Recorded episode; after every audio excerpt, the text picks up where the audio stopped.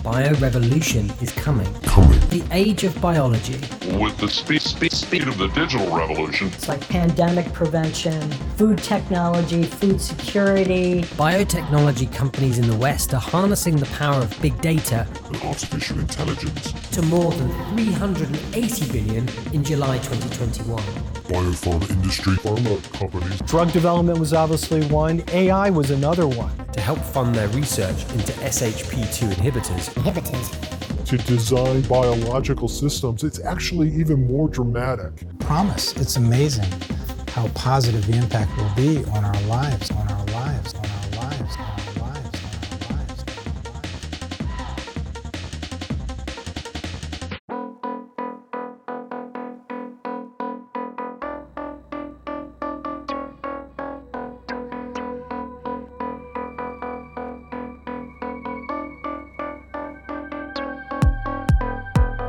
Gott fólk, við skulum aðeins heyra í kostendum þáttarins, uh, það er Tokyo Sushi, uh, það er enn apríl, þannig að það gætu enn verið fermingar í gangi eða aðrar veislur, kannski páskaveislur og þá mæli ég með veislubökkum frá Tokyo Sushi. Þetta er mjög einfalt, þú bara pantar veislubakka eins og þú vilt hafa hann, sækir og nýtur og uh, þarft ekki að vaska upp og þarft ekki að elda neitt og bara mjög þægilegt. Þannig að ég mæli með því veislubakkar hjá Tokyo Sushi. Síðan er það Bíóparadís og það er sko nóg um að vera framundan í apríl. Það eru tvær föstudagspartísýningar, Cry Baby uh, þann 22. apríl, Sodoma Reykjavík 29. apríl. Svo er það einn góður svartur sunnudagur þar sem köld og klassík bíómyndir eru síndar. Conan the Barbarian frá 1982, sínd 24. apríl. Gott fólk þið verðið að kíkja á bioparadís.is, kaupa bara miða núna, gott að klára það, þá er maður með þetta á dagskráni og getur notið þessar kvikmynda veistlu.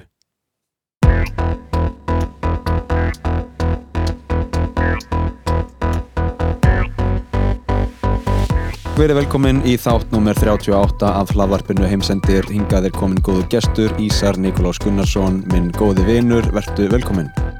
Takk fyrir, Hvað segir kallinn? bara mjög góður. Ekki? bara frábært að vera hérna hjá þér. Já, bara gott, gott að fá þig og, og hérna e, sko margir viðmælendur þessa hlaðvarps hafa verið hingað til e, leikarar og e, fólk í sviðslistum. E, Þinn bakgrunnur er svona meira í líftækni Já, minna í, í leiklistinni sko. Minna en þó eitthvað. Já, já, já, örlítið þarna í, í mentaskóla. Um þetta skóla Nei, nei, en það er sko það er grunnpróf, grunnnám. Grunnnámi mitt var í líftækni. Já, ok, í Edinborg, var þar í fjögur ár. Og svo er ég núna að læra, er að taka master í hérna þróunafræði svona Human Evolutionary Studies eins og það kallast, með svona fókus á, á, á, á erðafræði já Þú tókst fjögur ár í Edinborgar háskóla. Einmitt. Í raun beint eftir uh, MR mm og hérna eins og segir, það var líftækni um, Honors heitir það ekki? Jú, jú, skos, skoskur master. Skoskur master. Og síðan tekur uh, starfsnám í London. Jú, ég er hérna í UCL að vinna á uh, tilraunastofu. Já, og það, sko, af því að umræðarni dagsins er líftækni og við höfum tekið áður líftækni fyrir þessu hlaðavarpi um, það var þáttu nummer 19 með Daniel Takafúsa endilega kíkja á það líka. Það er kannski svona meiri grunnur uh, inn í um, fæið sem líftækni er en núna í dag ætlum við kannski aðeins meira að skoða Uh, já, það sem þú ert búin að vera að skoða upp á síðkastið sem er þessi þróunarsaga og, og, og svona um, þróunarfræðilegt samhengi ef svo má að orði komast Já, einmitt, við tölum um sem sagt, sögu mannkinsins eða, eða vernar sem kom voru uppi á undan okkur. Einmitt. Og förum síðan kannski og pælum aðeins í framtíðinni. Já, já, já. Um, Sko ef við, ef við bara byrjum þá á mannkins sögunni hvað, þú veist og, og þú náttúrulega í, í hérna, þínu mastersnámi núna í Cambridge. Mitt?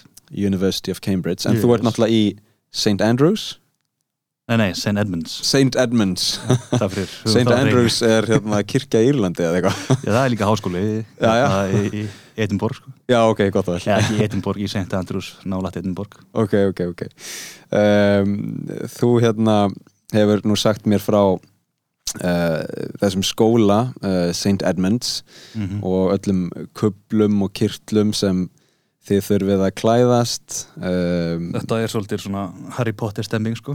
Já, það er gong og maður stendur upp á fæsir sæti og stendur aftur upp og segir sálma í svona dinnerónum og einmitt. allir í kublinum og hjertaljós og stemming. Veitu, eða þá sálmabók á borðinu? Nei, nei, þú verður að kunnan? Þú verður að kunna sálmin Ok, og er þetta eins og í fermingafræðislu þar sem þú mátt velja uh, eitt svona vers? Nei, nei, það er allir með þessum versin sko. uh, það er náttúrulega pre- prestur sem leiðir mann. Einmitt. Og hérna, ja, þetta, þetta er svona þetta er svolítið svona mikil skrúði í þessu. Þú hefur sagt mér frá um, matarbóðum þar sem þú mætir og það er einhver svona register sem er einhver, uh, einhver aðli sem man öll nöfnin og segir uh, Hello Mr. Gunnarsson, welcome. já, svona, já, það er einmitt sko þegar maður var að mæta fyrst og hérna maður er að skrá sig í svona í bókina sko, maður undirritar og þá maður orðin hluti af af collegeinu og háskólanum. Mm og hérna ég var bara hissa þegar ég lappaði inn og hann spurði mig til naps og ég var bara ís, já, Mr. Gunnarsson, welcome veist, þetta var svona, hann var greinlega búin að leggja það á sig að læra nöfnin utan af sko, the porter Og þú sem meðlimur í St. Edmunds verður það bara fyrir lífstíð Já, það var, það er alveg hamrað á því sko, maður er það, verður ringt í mann og beðið um pening í framtíðinni sko. Já, já, já, já, já, já, mitt að því að fyrir svona óreinda þá er þe- þessi college kultúr kannski framandi. Það eru margir hvað myndum að kalla þetta í íslensku, bara skólar innan háskólans í Cambridge. Já, ætli það ekki. Jú, það er háskólinn í Cambridge og það eru svona, það eru skólar innan hans. Já, já, og svo mörg fög innan hver skóla. Já, og sumi skólar bjóð upp á sum fög, ekki öll. Þetta Já. er svona, og hver og einn sagt, skóli með sína sögu og eru mjög gamlir, já, já, elstu eru alveg, þú veist, meira en 600 ára gamlir, þú veist, 700 svo eru yngstu bara, þú veist, stopnaðir 84 eða eitthvað. Já, já, já. Og er ekki svolítið yfir þyrmandi pæling að koma inn í þetta batteri? Uh, uh, fær maður minnumáttakend eða ertu fljótur aðlegast maður er svona, maður er fljótur að aðlagast sko. og þú veist, bara með hérna, já, þú veist, ég maður til svona moment þess að maður mætur í fyrsta dinnerinn sko. og hérna, þá maður settur á borð, þú veist, þetta er allt svona listað og planað, maður fær að sitja á sínum stað og er hérna það er my personal tutor, sem sagt svona sá sem leiðbenni mér, ég var að kynnast henni fyrst mm. í fyrsta skipti og við fáum sæti og spjöllum öll og veist, þetta er alveg bara, þú veist, þjónar með hvíta hanska og þú veist, maður har ekki að hafa fyrir neinu og ég sit þarna og ég er hann svolítið svangur sko, og hérna það er einhver brauðbolla svona til sem við liðin á mér. Já, og það er svona horfir í kringum sig og þú veist, það er enginn byrjað að borða þessa bollu. Nei, nei. Veist, má ég borða þessa bollu núna eða, eða þarf ég að býða eftir því að fá að borða bolluna? Það er náttúrulega súpa á leiðinni, veist, á hún að vera með súpunni. Já, og, og máttu, máttu dífa bollunni onni í súpuna Já. eins og Heyrðu, ég var ekki eins og komið svo langt ég var bara, veist, má, ég, má ég borða hana yfir höfuð? Já, já. uh, þannig ég er svona bara að horfa á hana og veist, þegar hún hérna byrjaði að gæða sér að bollunni þá bara gerði ég slítið sama og svo er það náttúrulega sko afsakið, eh, má ég fara á salernið pælingin? Já, þú veist, tæknilega séð þá hérna, þá er þá þarf það að byrja um leifi til þess að fara á bað. Þú veist, þú mátt ekki fara úr salnum og koma aftur inn í hann. Mm og salinnið er fyrir utan salin já, þannig að þú já. verður svona að fá leifi í raun og veru. Það eru skrýtna reglur, þú veist, morgun maður mátt ekki, mátt ekki lesa hérna mátt ekki lesa dablað En- það, en byrju hvernig með síma? Þeir eru bannaðir. Þeir eru bannaðir. auðvitað.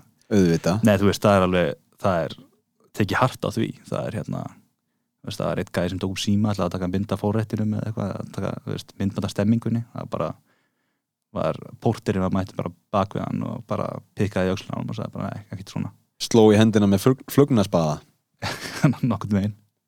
Inn í þessum sölum í hérna, þessum matarbóðum eru ljós eða eru sko kindlar á veggjum. Þetta er svona og í partí á Nero það er svona þrælar að brenna lifandi meðan allir er að gæða sér að mat. Já. Þetta er mismunandi, þetta er mismunandi stopnunum sko, þetta er mismunandi colleges.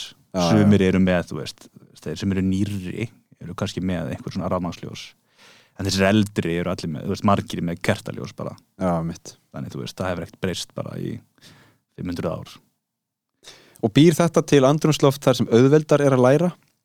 Jú, já, auðvitað. Þetta, er, þetta er mjög létt og allir nei, nei, ég meina það er allan að pressa. Mm það er eins og allir sé að læra rosalega mikið. Já, já, já. Þannig með svona það er kannski minna verið eitthvað eða þú veist, jú, jú, það er alveg svona verið að taka þér rólega og til en en maður finnur fyrir svona andrumsloftið þar sem það er látt mikið úr því að að vera að menta sig Já, já, já Já, og örgulega pressa að fylgja eða sko að tilheyra þessum hópi uh, sem hefur ég meina, hvað er skólinn gamall? Þessi, sko, St. Edmunds minn er hann er sko hann er svona endurreistur minnum mig eftir að veist, eftir að kathólskin máttu byrja að mæta aftur í, í Cambridge sko það Já, var banna já. á tímanbili mm, þannig ég held að hann sé svona eh, 200, eitthvað hannig Emmett hann er ekkert svo gamall sko með með við restina sko. Nei, nei, það er einn af þessum nýju svipa gamall og bandaríkin bara. Já, en þú ert þarna um, að vinna að mastersverkefni. Einmitt. Og þú ert að kafa í mannkynnssöguna uh, sko ég man þegar þú varst í, í líftæknináminu í hérna Edinborg og, og líka í starfsnáminu þá varstu svolítið að skoða þörunga og, og hérna svona, hvað getur maður sagt? Eh, líftækni í einhvers konar agriculture eða landbúnaði eða uh, þú veist að rækta prótein í kringum þörunga og eitthvað svona? Já já, maður sko, ég var það var svona frekar hardcore á tilraunastofu Mhm. að þú veist, er það að breyta þörungum. Og planið er að búa til sem sagt, þú veist, láta það framlega prótein fyrir þig mm -hmm. og er að breyta eins að framlega eitthvað prótein sem þú vilt láta framlega hvað sem það gæti verið og svo er veist, markmiðið er síðan að skala það upp og framlega mikið af þessu próteini og geta til dæmis selta eða Já hvað sem þú vilt gera við það mm það eru náttúrulega einhver fyrirtæki á Íslandi sem eru líka í þessu Orf eru þeir í þörungum? Nei, ekki, ég, þeir eru í hérna, Barley, þeir eru í uh, Biggi. Biggi Einmitt. Og það er önnur, það er verið að framlega ég held ég svona anþósæðanin, svona efni sem gerir laxinn bleikari. Þannig að þú matar laxinn og þá verður eldislax svona aðeins bleikari og ja, svona appilsinugular og fallegri. Já, af því að grunninn er hann uh, einhvern veginn hvítur. Eða svona, það vil ekki hvítan lax. Nei. appilsinuguluna flottan lax. Það er ekki flott að sushi sko. um, Nei, en þar vorum við sem sagt í því. En hérna, og líka svona að skoða hvernig þú veist ljóstillífun virkar almenna í þessum þörungum. Eða þú veist og breyta, breyta ljóstillífuna kerfinu um, en þetta er svona ég já, ég kannski svona ég hugsaði sko maður, þetta var svo, var svo hart svona fókusað að það, þú veist, herri, þú getur framleitt prótín þessu og þú bara, þú veist, rektar það úti eða rektar það bara í, í sólinni og þú veist, það er ekki mikil orka sem fyrir það, þú veist, ekki með svona, tangarekt, einhverja sveppi sem er að framlega prótín fyrir þig í einhverju myrkri þar sem þú ert að henda inn næringarefnum og þannig, það er bara sólin. En það eru einhver vandamál sem þarf að komast yfir. Það, þú veist, þeir, þeir vaksa svo þjætt sko að byrtan kemst ekki almennilega inn í þá, inn í, sem sagt, inn í lögin sem þeir eru þú fljótandi um í. Mm og þeir deyja sem sagt, hún ekki, þú hún er ekki að framlega mikið um til vilja, þannig þá getur allt eins bara að nota sveppi í einhverjum tank. En þegar hún er að leysa þetta vandamál veist, þetta, þetta vandamál með byrtuna Já. þá held ég að það sé alveg veist, það myndi breyta miklu. Eða leifa þeim að lifa af einhverjum pollum úti einhverju svona, einhverju svona, það, það er svona það var að vera að vinna með eitthvað sem, þeir- sem kallaði svona hell algae það er einhverjum þörungar sem getur að lifa af einhverjum hverum og hérna, þá er hugmyndin og getur bara ræktað þetta út, það getur ekkert lifað í þessum tjörnum sem þú byggir hvort þið er. Einmitt. Þannig að þú í raun hefðir mögulega getað farið í eh, mastersnám í bara beinu framaldi af þessu í hérna. Já, þannig sko að Breitlandi þá er ofta að þú stekkur yfir masterinn. Þú fer bara beint í doktor. Já, já, já, það já, er já. mikið, það er oft gert sko. En hérna ég vildi svona, ég hefði mikla svona reyn, eða þú veist, ég hefði einhverja reynsla því að vinna á tilhörunarstofu og mér langaði svona að fókusa aðeins meira á, þú veist uh, líftækni sem sagt svona bioinformatics Mm sem sagt, veist, greina erðamengi þannig, þannig Einmitt. þess vegna fór ég yfir í, veist, í Cambridge skráði mér þetta af því að mér finnst það svona góð blanda af, af, af, hérna, af mannfræði Mhm. og, og, og sögu og erðafræði líka veist, blandar svona nokkrum, nokkrum svona sviðum sem ég var áhuga á Mhm. og gæt líka á sama tíma uh, eftir mig að öðlast almennilega þekkingu í því að veist, vinna með erðamengi veist, manna erða, erðamengi í, veist, bara, eh, greina þau í tölvum Það er góður uh, pivot uh, eða sko segway inn í hérna, það sem uh, þú ert að stúsa núna. Þú ert búin að vera að skoða svolítið gömul erðamengi. Við erum að tala um hvað? Ég, ég sko, er að tala um lokaverkefni mitt Já, það sem þú ert að vinna núna. það sem ég er að vinna núna, þá er ég sagt, sagt, að skoða já, svona gömul erðamengi já, sem sagt svona þau eru alveg frá því að vera, ég er með eitt svona eitt. en ég er svona ekkert mikið að vinna í honum ég er að líta á síðustu 20.000 árin Já. og hérna sjá hvernig veist, stóra breytingar eins og um, veist, landbúnaður til dæmis hvaða áhrif það hefur á erðamengi fólks, aðalega í Evrópu. Það er svo mikið af gömlum erðamengjum í Evrópu. Mm og reyna að sjá hvernig sem sagt, gen sem leifað er að veist, til, til dæmis að geta drukkið mjólk. Hvernig þau dreifa úr sér veist, það sprettur einhvern veginn upp, það kemur inn og heyrðu, það er, það landbúnaður allir getum við byrjað að drekka veist, mjólkina beint úr, beint úr kunni og það er náttúrulega er gríðalegt plús þegar þú ert í, í þessu, -hmm. þannig að það dreifir hrætt úr sér. Og geta síðan fundið önnur gen sem er að gera svipaða hluti og mögulega reyna að binda það síðan inn í sögulegt samhengi. Mm Og hvaða þú nefnir uh, lactose tolerance uh, hvaða aðrir svona hvað segir maður? Þetta hefur nú verið þýtt á íslensku sko. Ekki mílu steinar, nei. Varðar uh, vörður kannski hvaða aðrar, aðrar stóru vörður eru að leið okkar frá því fyrir 20.000 árum til dagsins í dag sem þú hefur verið að skoða? Meinar þá svona stórir atbyrðir sem gæti að breyta einhverju? Eða þú veist hvaða, hvaða gen sagt, eða einhver önnur dæmum önnur gen sem svona dreifar hatt úr sér? Já, í raun uh, það, það er til dæmis gen sem hjálpaði að brjóta niður sigrur í plöntum. Mm það gerist þegar við byrjum að, byrjum að rækta -hmm. Þú veist, það, er- það er mjög stórt og svo- náttúrulega er, þegar aðalega að skoða Evrópu þá eru svona bylgjur af fólki sem kemur inn í Evrópu. Og sumir eru að hrinda þeim sem fyrir voru frá. Og Mm -hmm. sumir eru að blandast þeim og svo framvegis. Mikið af fólksflutningum og, og þetta er uh, þetta er hvað, fyrir 12.000 árum 10.000 árum? Já, það er talað um sko fyrir 6 til 12.000 árum þá, þá byrjum við svona, þú veist, þá byrjar, byrjar eða, þú veist, yfir það tímabil þá sjáum við, þú veist, hérna, landbúna dreifa sér frá, þú veist frá miðausturlöndum gegnum Tyrkland yfir til Evrópu mm -hmm. og alveg til Skandinavíu og Bretlandsegja og það tekur alveg sin tíma svo eru fólksflutningar frá hérna, frá, veist, tali vera norðan við Kaspar, Kasparíu haf þá koma svona hyrðingjarinn og það voru vist mjög stór breyting, eh, breyting, mikla breytingar. Þá erum við að þú veist sjá þeir eru að að bæja fólki frá í raun og veru og, og, hérna, og flytja bara inn í svæðið. Sama með, sama með, með þessa, með þessa hérna, með, með svona þá sem er að stunda landbúnað. Einmitt. og fyrir þetta sko í raun fyrir uh, landbúnaðar byltinguna og um, já, innan, innan þeirrar byltingar eru þá þessir hyrðingjahópar líka. En fyrir það eru við þá bara veiði, veiðihópar þar að segja hundur-gatherar Já, í, í Evrópu. Já, já, já, þú veist, já, bara fyrir það yfir höfuð. Já. algjörlega, já, þá erum við svona að tala um það. Við erum svona hunter-gatherers og, og það eru minni hópar það eru mun minni hópar þú veist, hérna, þú veist það, það er meir, meiri reyfing á, á fólkinu þú veist, að, þú veist, það er kannski með eitthvað landsvæða sem að færist veist, flytur sig um mm -hmm. það, hérna, en þú það er náttúrulega erfitt að vita við erum svona ekki beint svona það er svona erfitt að vita nákvæmlega hvernig þeir lifðu já, já, já.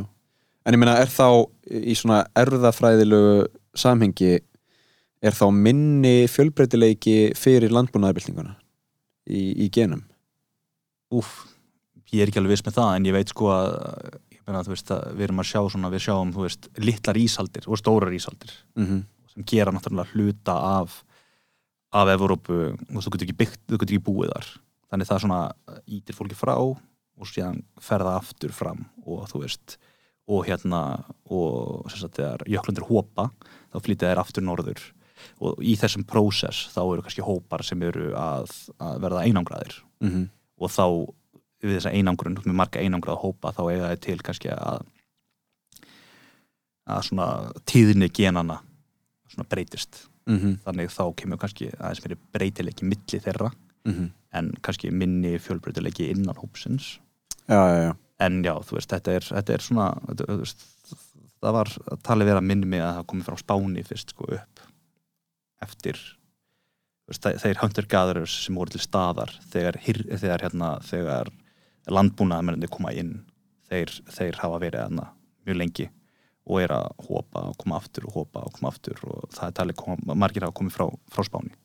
Já, þú veist, í gegnum veist. Þetta, er, þetta er það er náttúrulega erfitt að segja veist, það er engin, það er engin, þú veist, engin höndi gaður um mættur, þú veist, fyrir 15.000 árum og segja, já, ég er spánveri, þú veist, það, það, það er náttúrulega ekkert að gerast En, en, en, en þú nefnir ísaldir er ekki e, talað um að st- stóra ísaldin hefur klárast fyrir svona 10.000 árum eða svona ein, ein af þeim kannski Já, svona, já, kannski fyrir svona 15, eitthvað hannig mm -hmm. það er alltaf minni og þú veist, við, við, það sem er áhvert að við sjáum svona, við sjáum þetta, þetta kalla svona Green Sahara Events þegar, hérna, þegar Sahara eðimörkin sem sagt verður sem sagt, hún hættir að vera eðimörk og verður bara græn og þá er kannski auðvöldara fyrir, fyrir dýr sem eru fyrir, fyrir mér sunnan Sahara að færa sig um set og þeir dreif úr sér og Mm. þeir dreifa sér yfir í Evrópu þannig. Og, og menninni gera það líka sko, og, veist, og það er talið. Veist, þetta er allt, við erum að tala um það við erum að tala um svona kenningar. Mhm. en þú veist, fyrsti maðurinn þess að fara úr Afríku var líklegast Homo erectus fyrir hvað? 1,8 miljónum ára. Einmitt. eitthvað hannig við erum að tala um það bara, höfum það á reynu sko, við erum með hérna pluss mínus stundum í þessum tölum 5 miljón ári eða stundum pluss mínus 300.000 og maðurinn í þeirri mynd sem hann er í dag ég tala hann hafa verið til í 200 til 300.000 ár. Einmitt. þannig þú veist, þetta er, er, það er mikil gekkjur hérna. Það er einhver veikmörk. Og þú veist, já, hvað er síðan homo erectus? Það er hann spurning, þú veist, eru allir homo erectus homo erectus eða marga tegundir? Já, já, já, er það ekki einmitt að koma fram að það er alltaf einhvern veginn verið að finna fleiri og fleiri e, hvað myndum að kalla það svona early hominid eitthvað svona e, frum, frum menn já, þetta er svona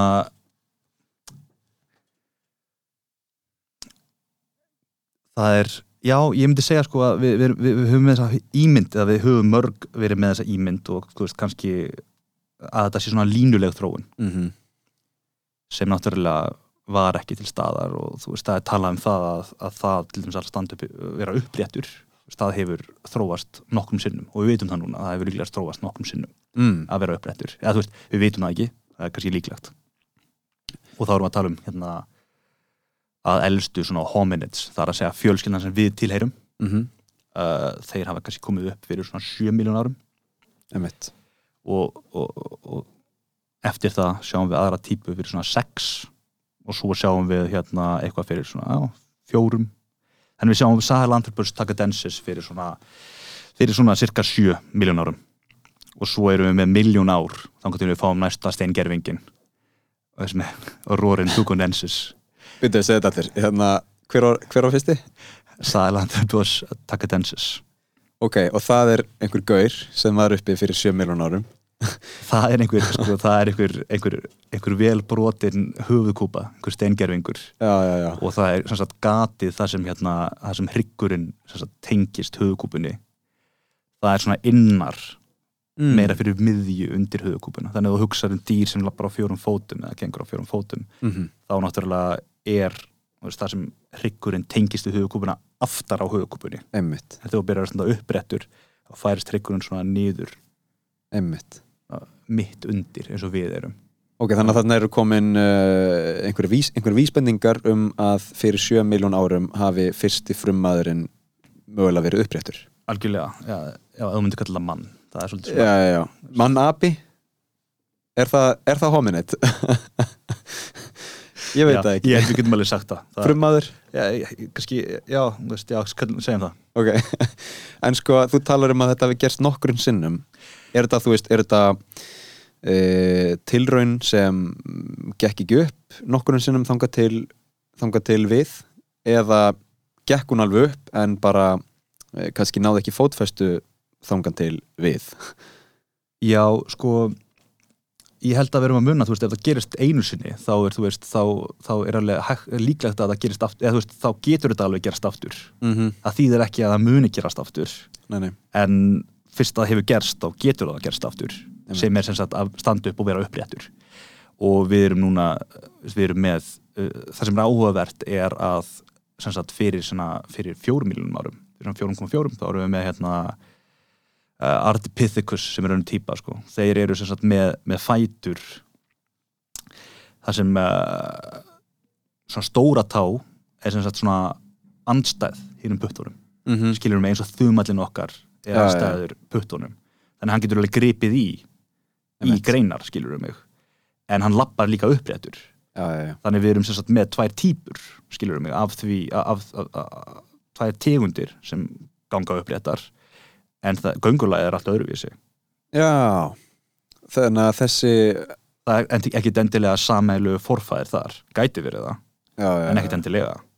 En þessi hérna Arthropithecus Ardipithecus, já, er þá hérna svona með eh, best, best of both worlds pælingu.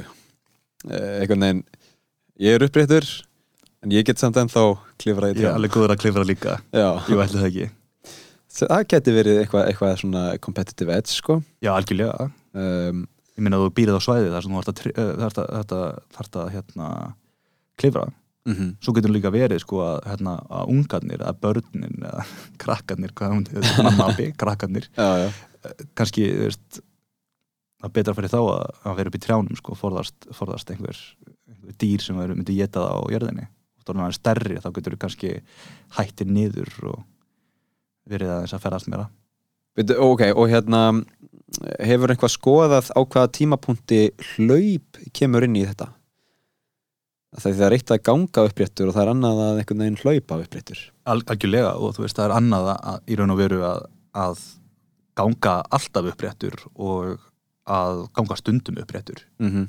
skilur mig, ég meina simpansar geta alveg staðið uppréttir. Mm geta alveg lapp, hefur hefur ekki sem myndandinn á netinu. Jú, jú, þeir svona einhvern veginn ganga um svolítið eins og mörgæsir uppréttir á og Já. til. Þeir geta það, já, kannski betri hínu já, ég held að Mhm. en hérna já, ég meina að hlaupa það er, þú veist, pælingin er svo að þeir sem geta hlaupið mjög vel eh, voru kannski, kannski hérna homo erectus Já, já, já. Og uh, nú eru kannski kom, komnir í annað umræðu efni sko en, en hérna einhvern tímann las ég bók sem hétt uh, Born to Run og heitir það víst enn uh, Mhm. sem fjallar um uh, sko getu mannstins til að hlaupa og, og, og það hafi verið svona enn og eftir eitthvað svona competitive edge í veiðum að um, ef ég skildi það rétt þá eru flest svona uh, fjórfætt dýr eh, sem, sem ganga á fjórum fótum eru með uh, sko hvernig getur maður líst þessu þau anda einum sinn, einu sinni per uh, stræt, per uh, stökk í raun Ó. og það gerir það að verkum að þau geta hlaupið mér hratt en ekki í rosalega langan tíma Mm. af því að þau ofhitna þú veist um, maðurinn þá kannski homo erectus eða setni frumenn mm -hmm. gáttu hlaupið sko þannig að þeir gáttu tekið andardrátt yfir kannski þrjú til fjögur stræt uh, stökk hvað sem er, fótatök þú veist, og, og það gera það að verkum að, að þeir gáttu og svo náttúrulega svitnuðu þeir sko þannig að þeir gáttu þá hlaupið hægar en Mhm. miklu lengur og, og og kælt sér niður kælt sér niður og, og hérna yrðu í raun bara að hlaupa nógu hratt til að sjá alltaf bráðina innan gæsalappa þú Mhm. veist um, og, og hérna þreita hana hana þangað til hún í raun varð fyrir ofhita og, og hérna örmagnaðist Einmitt. hefur eitthvað skoðað eitthvað svona? Uh, hvort, eh, nei, ég myndi ekki segja það ég, ég, ég get ekki farið með það hvort að þetta sé rétt hjá okkur sko. þeir sé hérna, hérna anda einu sinni í hverju svona uh, fótataki Já, já, en hérna ég meina þú veist, við sjáum það bara að, að fyrsti fyrsta homo tegundin Mhm. fyrir utan Afríku er sem best við vitum homo erectus mm og hann var líklegast sá fyrsti sem gatt hlaupið almennilega eins og við veist, hann er með líkamslutföllin eins og við -hmm. lengri lappir heldur en hendur, skilur mig já, já, já. og getur þá hlaupið vel, hann er byggður til þess að hlaupa eða, eða vera upp, almennilega byggður til þess að hann er byggður til þess að hlaupa Já. Þannig, veist, það kannski er einhver fylgni þar. Og þetta er fyrir einum einu, einum eh, koma átta miljón árum. Cirka, já, og, og þetta er fyrsti hérna, hominitin sem yfirgerur Afríku. Einmitt. Og hann fer til uh, hvað, miðausturlanda? Já, þú veist, já, það er svona já, það er kenningin, hann fyrir út veist, það eru fyrir, meir, fyrir 1,8 miljonum ára, þú veist, þá, þá var þú veist, þú veist, sjávar hæðin var önnur og, Já, og þú veist, þannig, en hérna en hann, hann fer út þar, já, þú veist gegnum, það eru tvær leiðir í raun og fyrir eins og það eru í dag, mm Mhm. þú ferð annarkvort út miðausturlöndum eða hérna gegnum Gíbraltar. Og þetta er allt bara fornlefafræði uh, kannski mannfræði og saga. En þú talar um erfðamengi. Hvað ná þau langt aftur í tíman eitthvað sem þú getur e eitthvað sem sko uh, gögn eru til um og þú getur skoðað Já, sko hérna úti sem sagt, sem sagt þú veist, að þú ert með sem sagt, lík, hræ, dauða veru sem Mhm. deyr einhvers staðar úti þú veist, þú, þú verður að vera með veist, réttu aðstæðna til að það er steingerfist mm -hmm. en, en, en, en allan annan tíma er, er DNA-ið sem sagt er það ekki að brotna niður Mhm. og trikkið er sem sagt að sagt ná að, ná að hérna, þetta er bara sama eins og allir voru skýrmaður, taka svona PCR-próf og magna upp þessa bita greina þá og síðan reyna að setja það aftur saman sagt, í einhverju forriti. En þegar þeir eru búin að brotna svo mikið saman í svo litla búta að þá bara getum við ekki sett það aftur saman. Af því að það eru stærri bitar, þá er hægt að gera það. Og nú sko held ég að elsta veran sem, elsta svona elsti, elsta erðamengi sem við erum með sé svona cirka 700.000 ára gamalt. Ok, þannig við förum ekki lengur aftur en það. Nei, nei, nei. Það er ekki, við erum ekki með eitt homo erectus uh, mengi. Við erum með neandertalsmenn og við erum með einhverja einhverja, einhverja menn sem kallast uh, Denisovans. Denise Mons já, ok, og þeir voru þeir, þeir eru svolítið svona þeir eru, þeir eru hérna við erum ekki með heilar beinag, eða, heilar steingerða beinagrindir af þeim. Við erum bara með einhverja tennur í raun og veru. Og út frá tönnunum getum við við veist, við náðum erðamenginu úr tónunum já, og þar með áttuðum okkur á því heyrðu, ja, við, þeir, við, öll Mhm. áttuðum okkur á því að, að, að þeir eru ekki að sama og nýjandilismann nei, nei, nei, nei. En, en, en við átt, getum við átt á okkur á því hvernig þeir voru svona útlítandi eða veist? Nei, ekki, ekki mjög vel, nei, nei, nei, það er svolítið flókið sko. Ég hef komið á okkar sapn í e, Burgos Mm. Spáni, norður Spáni. Og þar var hérna búið að gera svona vaksmyndir af mismunandi frummönnum. Einmitt, sem er einhvern veginn svona minni og, og meira svona stokki og þjættari, þjættbyggðari mm -hmm. aðrir svona lengri og eitthvað. En ég get ímynda mér að það séu þá kannski mikið getgátur og eitthvað svona fornlega fræði sem hérna gefur einhverja vísbendingar og svo fyllir fólk aðeins í eðunar eða eitthvað Jú, algjörlega, þetta líka breytist mjög þú veist, þetta breytist yfir, yfir tímans rás. Ég meina, þú veist, ok, nýjandilismenn við finnum steingeringa fyrst þar mm í, hérna í Þískalandi uh, á 19. öld. Og þá sér maður sko í fréttunum myndir að þessum, þú veist, það er, er einhverju listamenn sem er að teiknum nýjandalsmenn Mhm. nýjandalsmenn og þeir eru bara einhverjir einhverjir, einhverjir veist, þeir eru bara augljóslega heimskir með kilfur, þú veist, algjörir þú veist, bara mm, eiginlega bara einhverjar hálfvitar sem eru labband um, sko. Hellisbúar eh, já. En, en, en í dag, þú veist, þú sér þetta, þetta breytist. Og í dag, þú veist, á þessu sopni í Burgos, þú veist, hvernig leitin nýjandalsmaðurinn út, bara eh, nánast mennskur í Mhm. útliti. Þú veist, hann er kannski með þykkar, þykkar augabrúnir eða, þú veist, beinið þar aðeins þykkara stærra. En hérna, veist, og í dag erum við bara, veist, þeir voru svo góður að lifa af kuldan og voru betri í því og svo frammeðis hann leita allan að þannig út að maður myndi ekki vilja sko slást við hann. Það með svona stóra traps. Já, stóra traps, stórt enni einhvern veginn. Þið skallaði bara. Ég meina hérna hefur þessi bíómyndina William? Nei, það er sem sagt, þetta er svolítið svona þetta er ekki konseptið, sko, það er kannski ekki að slást ég, ég, ég hef ekki síðan sjálfur, ég sé trailerinn. Mm það var nóg held ég sko. Já, já, þetta er sko um hérna um einhverja vísindamenn í bandarækjunum eitthvað par. Og hún ákveður sem sagt að þau finna svona múmíu nýjöndarsmenn Mhm. og einhvern veginn fjarlæga erðamengið úr einhverju frumu þar og setja það inn í fóstrið hjá henni, Já. skilur við ekki þannig hún sem sagt gengur með nýjöndarsmann og fæðir hann og hann svona elst upp í, í hérna, mennsku samfélagi og hann fær nafnið William hann fær nafni auðvitað fær hann nafni William en svo náttúrulega, þetta er svona áhugavert koncept sko. Mhm. svo breytist myndin bara í það að hann er að finna, finna sinn stað í, í, veist, hann er að stara í eldin og ég finn eitthvað svona præmal við eldin sko, og, þú veist, hér vil ég vera út í náttúrunni og þetta, veist, þetta getur áhugavert en það breytist í svona einhverja svona eitthvað smá svona bara að vera að finna sinn stað í, í heiminum Einmitt.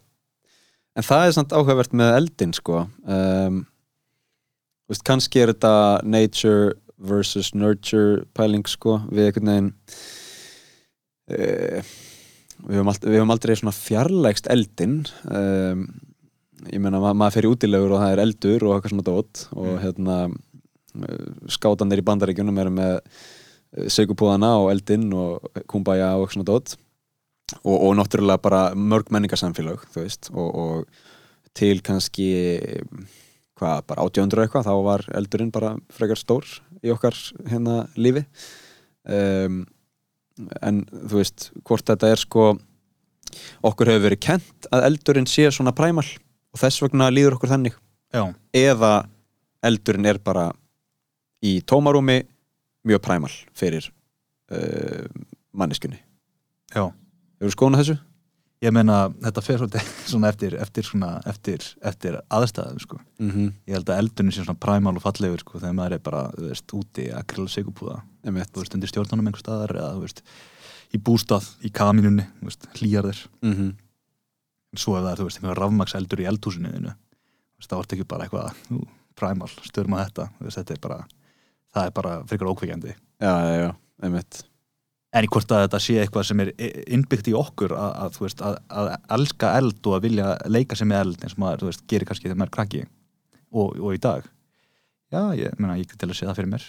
Já, já ég, ég allan að ég aðhyllist þá pælingu að þetta sé præmal og gott. Já, já, ég held að. Er, þetta er sko þessar hérna já þessi sko þessi neðaldarsmenn, við, vitum það náttúrulega all, að, veist, allir fyrir utan, utan Afríku eru náttúrulega með neðaldarsmenn manna, þú veist, þeir, þú veist þeir eru með gen úr neðaldarsmennum í sér og þú veist, sumir hópar, til þess í Papua New Guinea eru með sem, þetta Denisovan mm -hmm. gen líka, þú veist, eitthvað það er, þú veist, einhver gen frá þeim líka í mönnum þar, þannig við höfum séð þess að blöndu þar, þannig enn og aftur, þessi hugmynd að þetta sé bara línulegt, Mm -hmm. er ekki alveg rétt sko. veist, það er alltaf verið að blandast það er alltaf að krossa yfir þannig, veist, þróun er myndum við að segja suppulegri, þetta er ekki eitthvað svona línulegt, maður getur ekki veist, það er erfitt að, að tengja tré Einmitt, einmitt, einmitt sem er bara svona kannski einföldun og eitthvað sem uh, Algjörlega, og í dag erum við að finna allsins hluti eins og, eins og þú veist, þú hefur heyrt um hérna í, hérna í uh, uh, Homo floresiensis mm -hmm. hérna litlugæðinir einmitt þú veist, hann var kallaður Hobbitin þegar, þegar þau funduð á, sko, einhverjum eigum í Indonésiu mm -hmm. þú veist, þetta er svona þú veist, þeir, þeir eru taldir hafa líklegast hérna vera svona, svona eiga afbreyði af Homo erectus mm. sem sagt, þú veist, sum dýr uh, þetta er svona island effect. Þú ferð á eigu, þá verða stór dýr minni og Já. minni dýr stærri. Já, já, já. Þannig menn er að tala um það á svipum tíma eru, þú veist, mjög stóra róttur á þessum eigum mm -hmm. þannig þessi, þessi, þessi homo floresiensis voru mögulega bara, veist að veiða risastóra róttur litli gæðar að veiða einhverja risastóra róttur á einhverju eigu einhver staðar. Og þeir gátt ekki hlaupið. Þannig að veist, þessi hugmyndum að standa uppréttur og hlaupa. Þeir gátt ekki hlaupið almennilega. Fætinir voru miklu stærri en þeir ættu að vera svona ef já, þeir vera að hlaupa. Þannig þeir hafa sagt aðlagast einhverju allt öðru. Og voru þá kannski í einhverjum svona gildru veiðum okkur þannig? Já, ég, ég veit ekki hvort þið myndi vera svo langt en þeir eru allavega allavega gátt ekki hlaupið og, og voru líklegast þeir voru að borða dýr Já, þar meðal annars einmitt. Já, ok, en þú ert hérna að skoða meira svona 20.000 ár aftur í tíman það tímaspann. Og hérna ef við tökum aftur bara uh, lactose tolerance uh, getuna, sko genið sem gerir það að verkum að einhver geti um, melt sigruna laktósa Já, maður, þetta, þetta er eins og við segja, þetta er lactose persistence. Já, sem sagt uh, ungbörn þau geta alltaf þau, þau geta alltaf brotinu um mjólk. Mhm. svo við drekkum alltaf mjólk en uh, þeir margir sem geta ekki sem sagt, gert það þú veist, þeir, þeir missa eiginleika, þeir hægt að framleiða lactase, ensími sem brýtur niður þess að sigru en, en, en þú veist, hjá þeim sem geta gert það sem eru með þetta, eru með þetta, eru með þetta gen, það er sem sagt bara þeir halda áfram að framleiða þetta ensím mm fram í fullónisár og hver væri rannsóknar spurningin þín í, í, í, í þessu þessari rannsókn Já, sko, hugmyndin er sko að, að bera saman mörg erðamengi, eða hluta af erðamengjum og skoða gen sem við sjáum sem sagt, dreifa hraða, dreifast, dreifa sér hraðar heldur en uh, við getum sem sagt, við getum sem sagt uh, svona reiknað út hversu marga kílómetra á kynnslóð fólk er að ferðast yfir höfuð. mm -hmm. Ef það er eitthvað gen sem ferðast sem sagt hraðar en sá hraði, þá er sem sagt pælingin svo að það sé líka, líklega eitthvað sem hérna gefur þér, gefur þér einhvern eiginleika Mm sem er nýtsamlegur og þess vegna ferðast hann hraðar. Einmitt. Þannig spurningin er þegar, þú veist, við erum ég er ennþá að snemma í, þessum, í, í, í, í þessari verkefni. Mhm. þannig hérna við erum að skoða sem sagt svæði sem er að dreifa sér hratt í gegnum hérna, í gegnum tíma og sem sagt svona landfræðilega dreifingu. Einmitt. Og, og þú færð þessar upplýsingar úr einhverju gagnasafni sem er einhver kvelving eða þú veist, er með hérna rosalega mikið af erðamengjum skrásett 10.000 stykki 10.000 stykki og þetta eru erðamengi sem eru að koma af einhverju ákveðnum svæði eða ákveðnum svæðum Þetta er svona eitt sem fólk talar um, þú veist, að lang flest erðamengin koma frá, frá Evrópu. mm -hmm. Því að fólk er, a- a- er með rannsóknunan hér, mm Mhm. peningurinn er hér og fólk sem er að gera rannsóknir í, í Evrópu hefur skiljanlega áhuga á, á, á fortíð, fortíð Evrópubúa. Þannig það er minna af erðamengjum til dæmis í Afríku og í Asíu og Ameríkunum. mm En Þannig- er það eitthvað að breytast eða veist Já, já, já, þú veist, fólk er uh, mikið í því að er að vinna að því, það er mikið það er, það er, veist, það er marga spurningar þannig það er, fólk er mikið í því að reyna að að finna, sem sagt, erðamengi annars staðar að. Og er þetta bara af því að uh, uh, það, er, það er bara til mest af fornleifum uh, frá þessu svæði eða? Það er líka sko, það, er, þú veist, það eins og við erum að tala um máðan sko, að, að DNA er svona brotna niður. Það er svona, þú veist, að í minna og minna bita og það er svona erfitt að setja púslaði, púslaði aftur saman.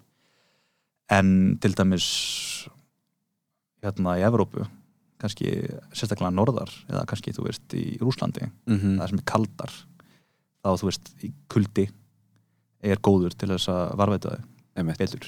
Þannig, þú veist, ef þú ert í einhverju hitabeltislandi þá er þú veist, þá brotnar líka með niður miklu hraðar og þú veist, það er bara minna af steingerfing með höfuð mm á sumum svæðum.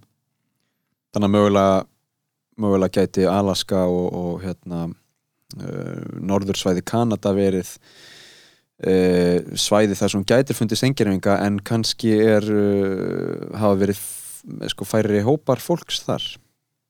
Ja. ég held að sé nú alveg freka mikið af fólki þegar fólk byrjar að dreifa sér á landsvæða sem að vill, vill lifa og þú Já, veist, ekki, og, þú veist náttúran getur, getur haldið einhverjum stórum stopni þá þú veist, fjölgaði sér hratt en það er náttúrulega ekki bara kuldin það er, að, að, að, veist, það er aðrir elements líka. Mm Mhm. þú veist, við erum, veist, það er svo mikið til dæmis af hellum. Veist, það er fullkomið veist, með eitthvað, eitthvað steingerfing sem er í einhverjum helli deyr þar og þú veist, fær einhverja hún er eitthvað skýlt frá, þú veist, frá veðrum og vindum. Og þú veist, þá ertu bara með góðan stað til að finna, finna þú veist, geta, geta týnt saman erðamengi og setja saman. Mm -hmm. en já, það er svona, það er, það er góðir staðir en við erum líka mun að, þú veist, að, að veist, það er steingerfingar og, og svo, þú veist, bara, þú veist, það er einhver prósess sem á sér stað yfir langan tíma, þetta er ekki allt endilega steingerfingar, þú veist, þú ert að finna veist, er það mikið sem 5000 ára gamalt? Það er ekkert, það er ekkert steingerfingur Nei, nei, nei, nei, einmitt. Það er bara hræ. Eða þú veist Það er bara beinagrind. Bara beiningin já. Nei, maður sé fyrir sér bara eitthvað svona í einhverju, einhverju bogi bara eitthvað svona. Já, nákvæmlega, einhverja svona bog múmiu já, já.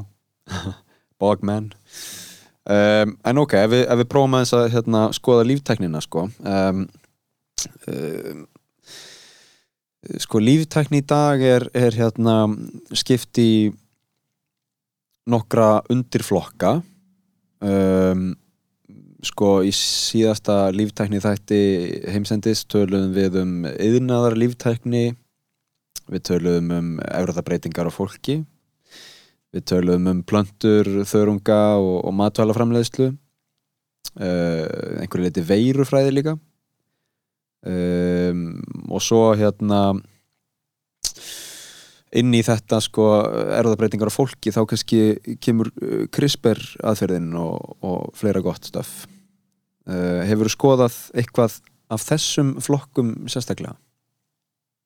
Af þessum flokkum sem varst að, sem varst að lista Já, eða, eða tókstu kannski bara, þú veist, heldina, grunninn allan Ég er svona okkur veginn grunninn allan Mhm. Þú veist, Þetta er náttúrulega Nú, hérna, þú veist, þú getur sagt sko að, að það er kannski smá útúsnúningur en þú getur sagt að veist, við erum búin að vera að rækta plöntur heil lengi og velja þær sem eru kannski að bera stærstu ávöxtina og bestu ávöxtina eða að harðgerðastar og það er svona, vissu leiti er það er það, er það svona einhver er það, er það breyting mm -hmm. yfir langan tíma. Um, og, ekki, og þú veist í dag ekki, ekki oflangan tíma. Það er ennþá verið að nýta sér nokkurn veginn þessar aðferðir þegar þú ert búa til nýja tegund kannski af einhverjum kveiti eða einhverju þannig. Mm það er þú veist, þú mátt, í mörgum landum mátt ekki nota CRISPR og erðabreyti einhverju og rekta það bara út á agri það er hérna, Nei, það getur gert það kannski, gert það í bandaríkjörum og annar staðar en ekki í Evrópu. Einmitt. en hérna, já, og svo náttúrulega yðnaðar líftæknin. Hún er svona, hún er svolítið gömul. Þá erum við líka þú veist, þá erum við að tala um það þú veist, að byrja að framlega insulín Já, já, já. þú veist, í svona stórum, svona, eins og þau kallast svona, í svona stórum töngum þar sem þú rektar upp þinn svepp eða þína bakteríu sem er að, sem er að framlega þitt prótein Hvenær var það, byrjaði að gera það? ég man það nú ekki alveg sko Alveg bara way back ekki way back ég meina hvað ég er 20. öld, setni hluta 20. aldar einmitt það er svona afmörkuna þar Bjór og vín, er það líftækni?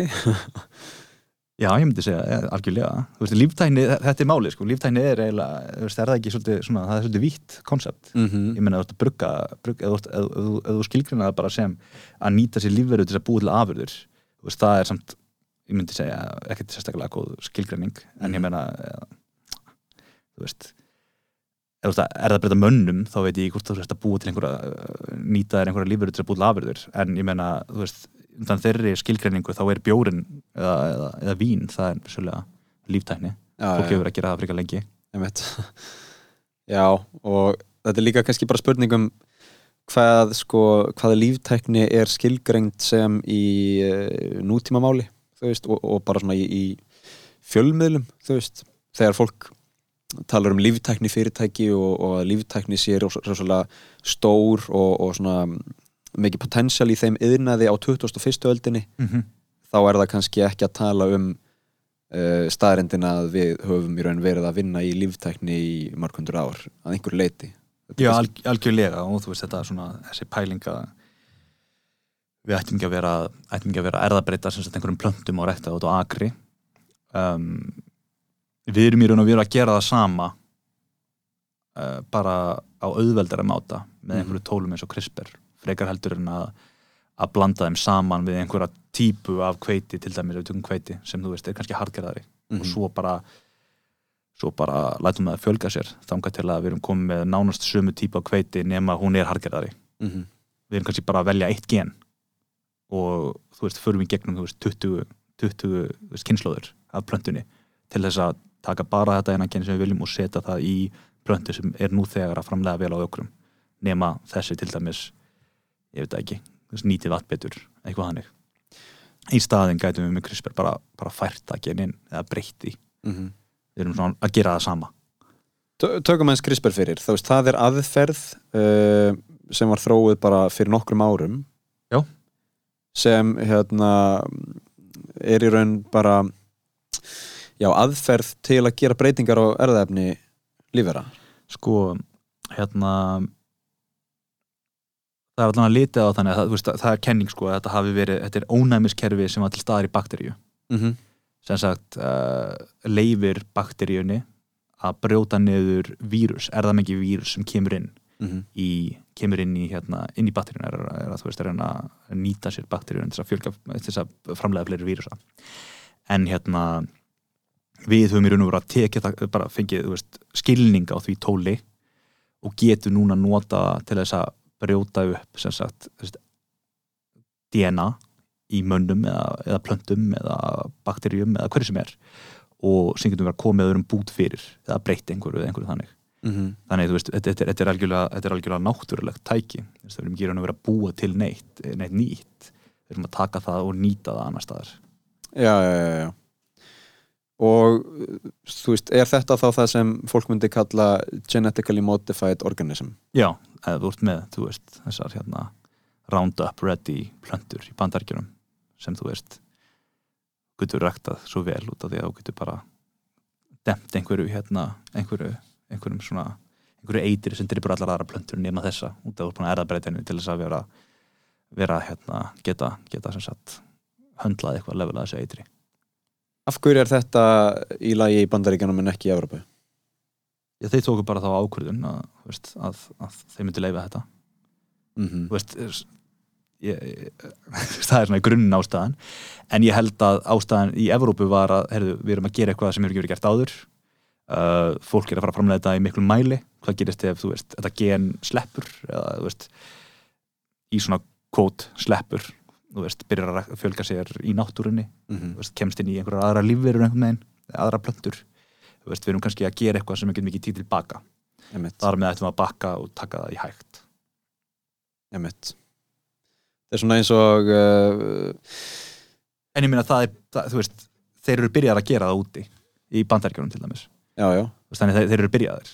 Og, og, og í Kína já, nákvæmlega, og veist, þannig þannig, þannig ef þetta er að fara að sleppa þá er þetta, að fara að sleppa hvort þið er.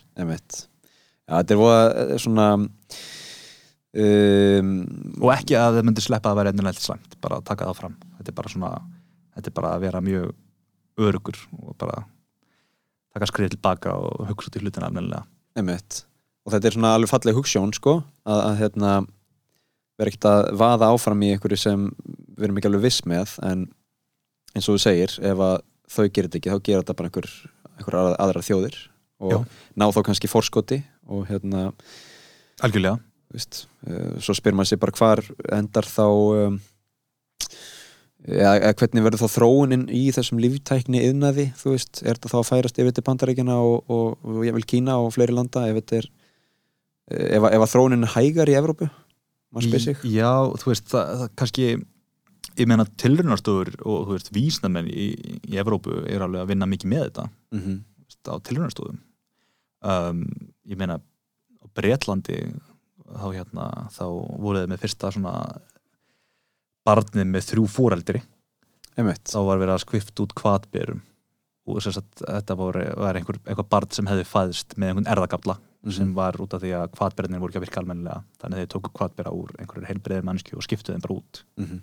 Þannig að einstaklingurinn á sem sagt tækla sér þrjú fóreldri og er með heilbreiða kvatbera og hvað berar eru orkustöðar frum, frumnana og, og uh, þetta hefði vantilega valdið einhverjum einhverjum sjúkdómi? Já, að, nákvæmlega, að vera með hérna gallaða kvatbera Gallbera- kalla það kvatbera um, sko svo heyrir maður náttúrulega þú veist uh, kannski einhverja draugasögur frá hérna öðrum löndum þar sem já, fólk er sko ólíkt Evrópu ekki á bremsunni heldur kannski á bensingjöfinni Já, þetta er eins og hérna, þessi gæi, hérna, vísnumæðurinn í Kína sem uh, er að breytta einhverjum börnum með hérna, hérna, með CRISPR. til að vera sko ólíklegri til að fá HFF veiruna Já, emitt, emitt.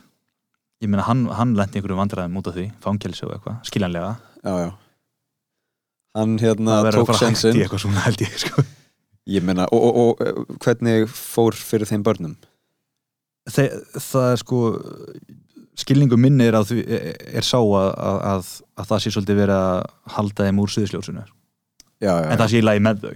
mm en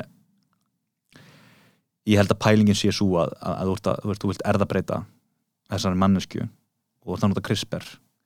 Um, það hefur alltaf verið vandamál eða hefur oft verið vandamál að, að, erðamengin er alltaf svo stórt og CRISPR er náttúrulega klippir þar sem þú vilt að hann klippi en það er rauninu bara við einhverja basaröð þannig erðamengi er svo stórt að þessar basaraðir eru líka að finna annar staðar.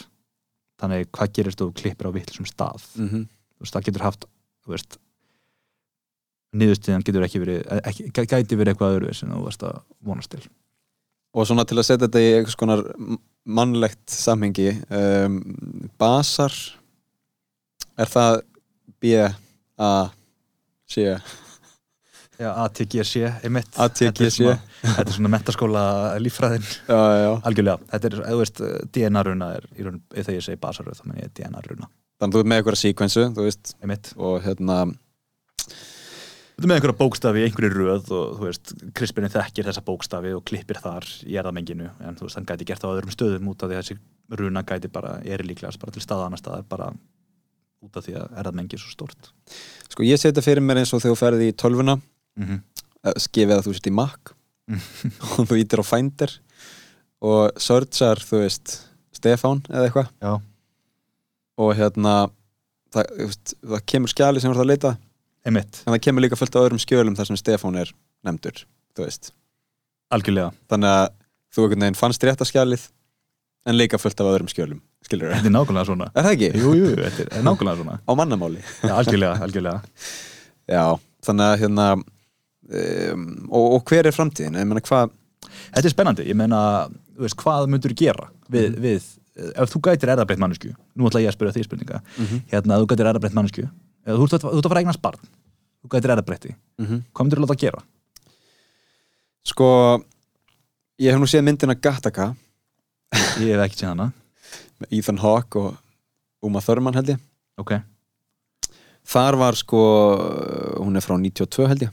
Og þar var komin einhver svona elítu klassi um, af erðabreittu fólki. Mm -hmm. Sem var með, þú veist, mjög háa greindavistölu og þau voru all, all mjög svona hávaksinn og, og lean muscle og hérna uh, laus við um, eða, eða með sko gott ónæmiskerfi og einhvern veginn bara svona í tipt á stand, standi sko. Fallegur, heilbröður, klár, Já. einmitt, og það var einhver gaur sem hérna sneikaði sér inn í þá pælingu. Hann sem sagt var ekki erðabreittur en hérna uh, skipti út sínu erðamengi fyrir annan sko, fekk svona passa já, og mátti fara að hérna uh, lí, lífa sama lífverðni og, og elituklassin og eitthvað svona dot. skipta hann út sínu erðamengi, Já, hann stál í raun, hann stál sko, eða þú veist, ekki, ekki líffræðilega, já, já, ok, ok, hann stál bara upplýsingunum til að geta uh, hann í raun hérna vilt á sér heimildir. Og var í raun bara að nota nafn annars manns sem ég held að hann hefur mögulega drepið eða eitthvað, skilur, hann einhvern veginn bara varð sá gaur. Einmitt, og hérna til að geta komist inn í þetta elítu samfélag og, og upplifað um, þau fórítindi sem þar voru og hérna gott ef ekki að þau hafi sko búið við betra heilbrið, heilbriðiskerfi og eitthvað svona dót. Og ég held mögulega að hann hefur líka auðgast mikið á þessu af því að gæinn hann sem dó var uh, mjög ríkur eða eitthvað svona. Hann fekk svona aðganga bankabókinni og, Já, eitthvað svona Já, dót já. sko. En hérna sko ég, þú veist, ef að ég væri að fara eignast barn og ætti að fara ákveða eitthvað svona, jú, hörðu, hendum hérna grindavistulun upp í 200 og hérna það væri gott ef hann væri sko, eða hún væri hérna olimpíumistari í þrýþraut eða eitthvað svona, þú veist. Einmitt, ég einhvern veginn ég veit ekki alveg hvort að það væri mjög spennandi og, og sérstaklega í því ljósi að hérna eh, þú veist, það myndir náttúrulega bara búa til miklu meiri sundrung í samfélaginu en er núna, ég meina ef það væri einhverja elítu manneskjur sem væru erfðabreittar þú veist, og hefði í raun ekki gert neitt til að um, eiga um, í raun rétt á því að fá alla þessa hérna, eiginleika en fengju þá bara af því að foreldrættin voru gett ríkir Mm. þetta er náttúrulega bara misskipting auðis uh, á styrum sko. Algjörlega. Á sko literal styrum sko. Um, en eitthvað svona kom ég veg fyrir sjúkdóma um, þú veist, ég, ég geti meira séð það fyrir mér sko. Já. ef að hérna, það væri einhver gen sem væri líklega til að valda einhvern sjúkdómum uh, þá held ég að væri uh, gott að, að hérna, kotta á þau sko. Einmitt, já, ég skilði, en þú veist, þetta er pælingin svona, að, að þú veist að þegar tæknin er ný þá er hún oftast mjög dýr og þá kannski bara ekki á færi allra. Mm -hmm.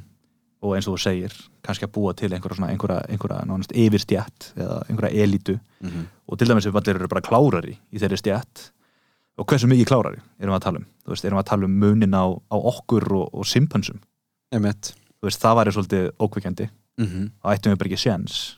Ég meina þess það væri, þú veist, við ættum að bókstæðlega ekki Emmett og þau gætu raun fæðist sko eða svona um, mögulega myndu þau ekki þurfa neitt annað en það forskott, skilur þau já, já, þá er það bara komið og þá væri þessi elitustjætt hvort er að fara að verða elitustjætt já og hérna það myndi kannski ekki sjá einhvern, einhvern plús endilega í því að, að, að, að bjóða öllum upp á þessa þjónustu. Nei, nei, nei.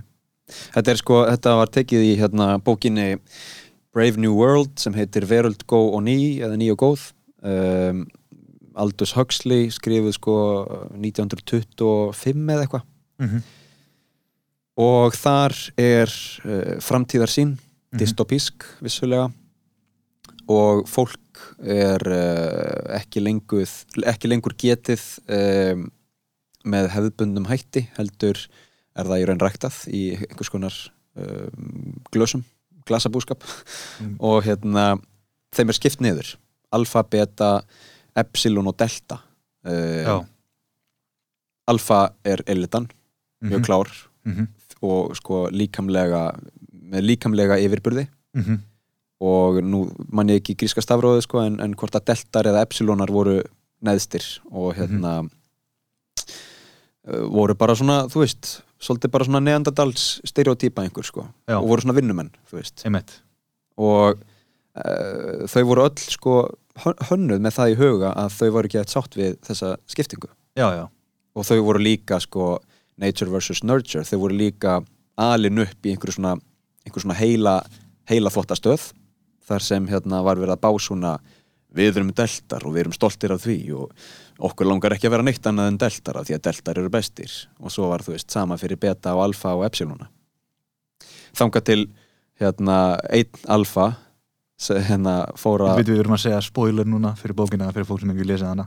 Já, smá spoiler. Uh, Hann sem sagt fer uh, hérna á svona viltu svæðin og fer að búa með indjónum einhvers staðar í, í, í hérna, Norður Ameríku og upplifir sko já ok, við hérna við erum að gera allt vittlust Mm. Við ættum að tengjast náttúrin aftur og við ættum að uh, hætta að deyfa okkur með eiturlifjum þau voru hérna þau voru alltaf að byrja ykkur sómatöflur sko, sóma sem var bara eitthvað svona heið fullkomna eiturlif sem bara gjörsamlega deyfði þig og, og hérna leti bara vera sáttan með þitt, þitt hlutskipti skilur þannig að það var aldrei neinn bylting gegn þessu kerfi af því að þú voru allir bara þú veist, deyfðir, einmitt. einhverju sómatrippi. Uh, þetta er mjög góð bók sko, ég mæli með að skoða hana. Hún er alveg svona bara bílu pælinga hún hefur verið skrifið á þessum tíma. Eða Mhm. þú veist, og ekki. Meina, rosalega mikið af frábærum skáldverkum hérna, skrifa bara langt aftur í aldir en, en að hún einhvern veginn séð svo spot on núna hundrað árum síðar að maður geti séð margt sem samsamar uh, nútímanum og, og, og þessum heimi sem verið að lýsa. Um, Ég með sko pælingu hérna ok, þú veist, við þurfum að við getum kannski reynda að erðabreyta fólki til þess að gera það klárara. En þá þurfum við líka að vera með góðan skilning á hvernig þú myndir gera það. Þú verður að skilja hvernig, veist, skilja heilan og og þú veist, þessa, eh, þessa tengingu milli, sem sagt, þú veist, erðamengisins og heilans og þú veist, hvernig heilin uh, þroskast og, og hvernig í raun og veru verið til. En hvort gerist það fyrst eða þá tækninni, bara þessi tækni sem við erum með bara fyrir framan okkur í símanum þú veist, við getum núna, við, við getum, við, við erum svona, við erum svona flestir get ekki eins og latt síman frá sér í, þú veist, tvo tíma eða slókt ánum í tvo tíma, þetta er bara þetta er, þetta er svona framhald af okkar eigin persónu við, þú veist, e, þú veist, við erum með samfélagsmiðla, við erum með, þú veist, við erum með, veist, við erum með okkar online profile, við erum þessi, veist, þetta er bara, þetta er framlengingan af okkur sjálfum. Mhm. þannig eins og þú veist, gæjar eins og Elon Musk er að vinna í að reyna að tengja þetta sem bara beintengja þetta við heilin á þér hversu skeri sem það hljómar þá er spurning hvort þú eru að gera mannskina klárari eða hvort þú eru bara að gera tenginguna við tækið þitt betra og þá kannski þarf í raun og veru ekkert að vera klárari endilega. Þú veist, þú getur bara, þú veist, þú getur unnið frekar í tækniliðinni þannig, þú veist, þetta er kannski að gerast á sama tíma. Við kannski lifum á svona ágætlega spennandi tímum þar sem, þú veist, við erum með, gerfigreind eins og við höfum talað um. Þú veist, það er, að- þú veist, tækninni fleitur áfram í því og svo erum við líka með, þú veist, bara, eins og þessar snjallsíma og allt það. Mhm.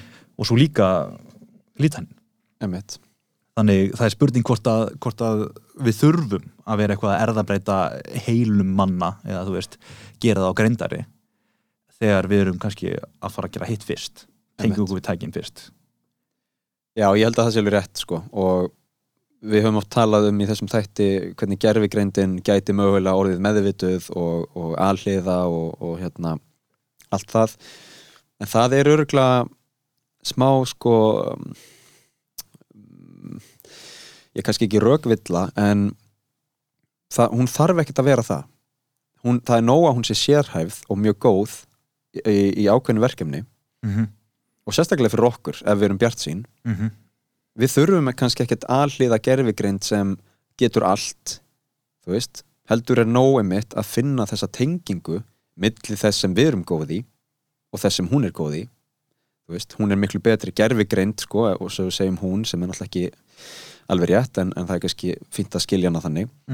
Gerfigreind er uh, mjög góð í ákveðnum verkefnum og sérstaklega í verkefnum sem við erum ekki jafn góð í þú veist Einmitt, og þetta er kannski sens til þess að við hefum kannski sens á því að vera ekki úrælt ef Mhm. við erum beintengt við þetta algjörlega, þá getum við nýtt okkur það sem við erum hvort þið er ekki góð í og það sem hún er mjög góð í og hún getur þá, þú veist, ef við lítum á það þannig nýtt sér það sem við erum mjög góð í sem hún er hvort þið er ekki mjög góð í mm. og síðan getum við uh, hérna rendi hlað hjá maskaranum og, og fengið örflögu í heilan og, og hætta hérna hætta að senda skilaboð í gegnum þumlana og gert af frekar þá í gegnum hausinn sko Einmitt. eitthvað svona. Og þá erum við bara orðin þessar hérna ofur verur uh, hvort þið er. Já, nákvæmlega, við erum bara hluti af þessu. Við erum bara, við erum einhver svona einhver svona cyborg. Mm -hmm. Sem- já, kannski- og við erum kannski það nú þegar með, með tækninni í kringum okkur. Einmitt. En ég meina, þetta er bara byrjað svona. Og ef við náum að beintengjast einhvern veginn, þá kannski endum við ekki á því að vera úrælt kannski endum við ekkert til að með einhverja, einhverja yfirstjætt, ekki kannski ekki mik mikla yfirstjætt, við erum bara líffræðilega allt öðru sem við, mm -hmm. kannski erum við bara hluta af þessu kerfi, einmitt. Við getum beintengt alla heilan okkar saman í eitthvað svona í einhverja, einhverja stóra súpu. Já það væri nú indislegt Já, við erum svo alls tengt saman já, já, en þetta verður áhugavert. Ég meina, þú veist, þá getur kannski, ef þú, getur þú veist, tengt þig beint í, í einhverja ég veit ekki, kannski að við talaðum um þetta þú veist að, að þú getur upplifað bara, þú veist, þú getur selt upplifanir, mm -hmm. þú veist fallið á einmitt. Ég meina þú getur bara, þú veist, þú bara setur það í samband og lokar augunum eða, eða þú veist, eftir með opin augun og bara upplifir fallið á stökki eins og, eins og það sé að gerast. Einmitt. Þú verður bara að selja upplifanir. Já, já, já. og það er sko það verður engin munur. Nei, algjörlega. Og ég meina við erum nú komin svona að einhver leiti uh, í þessa átt sko með hérna síndarveruleika tækni og, og svona tækni sem er farin að pota í um, svona, hvað segir maður undir meðveitaðan skilning eða skinnjun, þú Mm. þú veist alveg að þú ert í síndarveruleika dóti, þú Já, veist alveg að þú ert ekki rússipanna sko, en samt er bara líka minn einhvern veginn að bregðast við. Já. og þú bara vá, þetta er skrítið. Ég er bara að finna hérna fyrir því að ég sé bara að detta Þetta er svona framhald af einhverju svona 3D bíói. Það skýrst Mhm. eitthvað áttan að þér og þú bara, hú.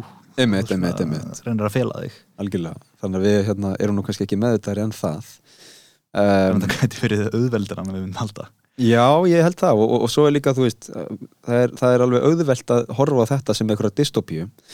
Að hérna, ef við værum alltaf plögguð inn í gernum einhverja örflögu og, og hérna um, værum komin í jafnvel einhverja svona alheims meðvitund og allt það sko, þá erum við nú sérstaklega að fara skilgrina vel mörkin þarna á milli sko og, hugsa eitthvað svona, já, já, nú í dag, ég ætla að vera pluggaður inn í dag en á morgun þá ætla ég að sign out sko og, og fara út í náttúru og vera bara eitt með sjálfum mér, þú veist En þú gæti gert það líka í tölvunni Já, Ef, ef, já, já, ef já. upplifunin er alveg eins þá, Einmitt, þú einmitt. þá ertu að fara þetta saman en ég held samt að maður myndi eh, eða ég veit það ekki, kannski er ég bara að tala fyrir mig persónlega en ég myndi alltaf vilja eh, eiga möguleikan á því að, hérna, eh, plugga mig út sko Já, ég held að þú er þetta ekki að plugga þið út það Mhm. myndi engin, engin, engin fara í þetta þú gætir ekki pluggað þið út Nei. en ég menna ef maður er að tala um það að fólk er þú veist, 8 tíma á dag í símanum sínum þú veist það er bara nákvæmlega saman þú veist, það er kannski ennþá þú veist, pældi því ef þú getur bara að upplifa allt, bara nákvæmlega, lyktina tilfinninguna, mm -hmm. Það er eins og þú veist að snerta hluti í kringum þig ég meina k- þetta verður hvað sem er veist, veist, kannski erum við bara á hætt á því að, bara líka upp í sófa einn dag og upplifa þessa hluti. Þú veist, svona, þú veist, þú gætir alveg þú veist, þú kannski megrun þú borða bara hrökkeks í raun og veru Já. en svo ertu bara að gæða þeirra hverju sem er í þessum síndarveruleika eða þessum, þú veist, þú bara ferð á upplifun að borga, borða, þú veist, hvað sem er. Ég meina, klámiðnaðurinn mun missa sig í þessu. Já, já, já algjörlega, menn þetta, þetta var tekið fyrir í hérna góðum þætti sem heitir Maniac á Netflix á síðan tíma. Ok, þá var einhver gaur sem var bara einhvern veginn lá bara í Matrix sófanum bara með einhverja græjur og eitthvað gadgets á haustnum og var bara í, í einhverjum ævindýra heimi alltaf. Alveg hérna þetta er líka í Wall-E, þú veist. Já, einmitt þá er fólk sem er bara þú veist, ljóta um hann á, hérna, á stólunum öllum, hægindastólunum. Einmitt en þú veist, en ástæðan fyrir því að ég nefni, nefni sko líka samfélagsmiðla og, og þetta sé í raun ekki það fjarlæg dystopía er af því að mikið af fólki er ekkert sko meðvitað um að það sé að plugga sig inn þegar það er mm -hmm. að death scrolla TikTokið skilur Mm þú veist, það er ekkert eitthvað já, já, nú ætla ég að setjast niður og hérna, fara úr þessum heimi og fara inn í e, sko, síndarheimin eða þú veist, ég ætla bara að plugga mig inn hérna í Matrixið. Þetta er bara sami heimurinn, já, þú upplifir hann þannig. Algjörlega. Og hérna þú veist, ég meina maður hefur bara séð það þegar fólk er hérna djúft sokkið í eitthvað eitthva gott TikTok hérna skroll, þú veist. Það er ekkit lengur meðalvor það er bara í öðru herbyggi sko, það er bara annar staðar. Þú veist, Já, algjörlega, þetta er svona þetta er, þú veist, við erum kannski það eru kannski margar svona tæknir eins og við höfum séð, til dæmis með veist, þessar stóru samfélagsmiðla. Og, og hérna, veist, það eru margar svona veist, við erum á mörgum stöðum það er, það er að hreyfast hratt fyrir líftækninni í, gerfigreindinni í, í, í bara öll saman. Og á sama tíma, er alveg breyka mikil skipting auðs. Og þessi blanda er kannski ekki endilega endilega góð, sko. Það gæti verið svolítið hættulegt. Mm og ef við erum á stað þar sem ef við tökum bara til dæmi eða til dæmis bara þessa pælingu að gera fólk greindara og búið til yfirstjætt uh, kannski er bara eitt tækifæri til að hoppa á þann bann. Þú ert bara annarkvort drottning í búinu eða bara einhver vinnubyggfluga. -hmm. og það eru bara þeir sem eru veist, auðið núna sem komast í það og gefa börnunum sínum það. Og svo kannski gerist það bara ekkert aftur kannski fá þau aldrei þetta tækifæri kannski fá ekki allir þetta tækifæri að lokum. Og við erum kannski þá ef við sjáum veist, þessa tækni að, að þroskast kannski núna eða verða til og kannski þroskast þá, þá er kannski mikilvægt að hugsa um það að, þú veist, að þú veist, pólitíska umhverfið skiptir rúslega miklu máli þegar þessi tækni kemur, kemur fram. Ég veit þannig þú veist, þetta er ekki bara vísindamenn og einhverjir, þú veist, einhverjir gæri í Silicon Valley sem eru búið til, þú veist, er, þú veist við, það, það er bara, einmitt núna lítur út fyrir það að það eru, það eru ekki mjög margir einstaklingar að taka ákvarðinu fyrir mannkynnið og hérna, það er kannski mikilvægt að að það sé almennilega umræða um það hvernig við ætlum að nýta okkur þessa tækni. Mm Já, mena, það er bara eins og með Google og Facebook og, og hérna í raun gerfugreindina líka og þróunina á henni sko. Um, sko búti, Ástralía og Evrópusambandið hefur hérna einhverju leiti uh, sett einhverjar svona hömlur á, á þróun samfélagsmiðla og, og, og sko kannski notkun um, samfélagsmiðla. Sérstaklega þegar kemur á auðlýsingum og öðru slíku. En uh, restin á heiminum, maður veit það ekki. Já, þetta er líka, þetta er líka sko, þetta er í raun og veru allt. Ég meina, þú veist, ef við erum á stað í dag þar sem við getum erðabreytt fólki eða förum að koma á þann stað getum erðabreytt fólki og ég meina, þú veist, þá erum við raun og veru að erðabreyta í, í eitthvað sem við teljum í dag vera, þú veist, þessi gullstandard. Svona viljum við að mannska sé. Mm -hmm. og það í raun og veru það konsept af þessum gullstandard það er, þú veist, það er samfélagslegt konsept þannig hérna, við erum kannski að fara að breyta mannkynnin í dag og þessi gullstandard verður kannski bara til bara fram í, fram í bara þúsundir ár fram í tíman Mhm. ég meina, þú veist, þannig það er mjög mikilvægt að, þú veist, hvað þú veist, hvað við fáum eitthvað svona eitthvað fasistaríki einhver staðar eða eitthvað, þú veist, hvað hefði, hvað hefði, þú veist, hvað hefði nasista gert við, við þessa tækni, Mhm. þú veist, það sem þið voru nú þeirra að reyna að gera, Já, algjörlega, svo er það. Þú veist, hvað, hvað þetta er algjörlega, veist, við þurfum að, við þurfum að taka ákvörðun á, á, á samfélagslegu lefali, hvað ætlum að gera, myndi ég segja. og það er mjög erfitt, ég meina, þú veist hver, hvernig gerum við það? Þegar, þegar þessi stóru fyrirtæki og sko annars vegar þessi stóru fyrirtæki og hins vegar um, mörg ríki eru svolítið að operata bara uh, svolítið í sínu hotni það er ekkert eitthvað rosa mikið þú veist, það er ekkert eitthvað alheims þing eða alheims um, ég meina, jú, þú veist, það er alltaf ráðstefna um til dæmis nattræna hlínun og loftslagsmál en það er ekki eins og það sé ykkur svaka konsensus að koma þaðan og það er ekki eins og það Já, það er allir að reyna, þú veist, gæta einn hansmuna og, hérna, og, og, veist, og það er samkeppni líka. Mm og þú veist, samkeppnin kannski og þú veist, ef ávinningurinn er rosalega mikill þú veist, ef hann er mikill ég, þú veist kannski er ekki mikill ávinningur. Kannski, þú veist, ef þú ert ekki að fara að búa til einhverja ofurhermenn kannski ertu bara að fara að búa til einhverja tækni þar sem úr bara einhverjum svona einhverjum exoskeleton og verður rosalega sterkur. Það er óþarfi að skilja, þú veist, að, að gera alla rosalega sterka þú veist, en, en ef það er rosalega mikill ávinningur þá, þá væntanlega verður samkeppni myndi maður halda, milli ríkja. Aðeins aftur að hérna CRISPR og, og, og sjúkdómum. Um, sko m- e mögulega væri ein leið og hún er ekki mjög hérna siðferðislega rétt en mögulega væri ein leið til að þróa þetta væri bara að prófa og prófa og prófa og bara, þú veist, renna blind í sjóin með alls konar um, tilurnir mm -hmm. en af því að það er ekki siðferðislega rétt þú veist, af því að það getur svo mikið fara úrskeiris eins og við erum bara að tala um Mm -hmm. þá hérna eru vísindamenn kannski að taka aðeins minni skref Mhm. en hvað þarf að gera til að uh, við getum betur vitað uh, eða sko orðið bara nákvæmari. Að til að aðferðin geti orðið nákvæmari til að við getum sagt ok, ég ætla bara að fjarlæga hérna BBA, veit. á þessum nákvæm þessum stað en ekki annar staðar. Þetta er sko, þetta er vandamál frá því að CRISPR kom fyrst. Þá Mhm. hafa, fólk- hefur fólk verið að vinna í þessu þú veist. Að er það að breyta nákvæmlega þínu target geni og einhver öðru. Og við verðum, vísindamenn verða betur og betur í því. Fyrirtæki verða betur og betur í því sem selja þess að þjónustu. Þannig, ég meina að þetta er þú veist, þetta er bara þetta er í raun og verið bara hérna, lífefnafræði. Mhm. og þú veist, þeir verða bara betur og betur í þessu. Þannig þú veist, það, við, við, kom, við munum komast á þann stað þar sem þú getur nákvæmlega gert nákvæmlega það sem þið sýnist. Og við erum nánast komin á þann stað Mhm. myndi ég segja. Þú veist, ja, ég meina, mér skilst að þetta sé að verða betra og betra og það er svona náttúrulegur endapunktur að við getum gert nákvæmlega sem við viljum. Þannig hvað þarf að gerast? Ég held að er raun og veru núna veist, er, þarf bara tímin að líða meðan fólk er að vinna í þessu til þess að þetta gerist. Og þetta gerist hraðar og hraðar. Já og ég meina við sjáum hægari þróun í líftækni heldur en þú veist þegar internetið fyrst kom út. Bara út af því að þú getur ekki verið bara með fartölvu heima hjá þér og vitnesku og gert það sem þið sýnist.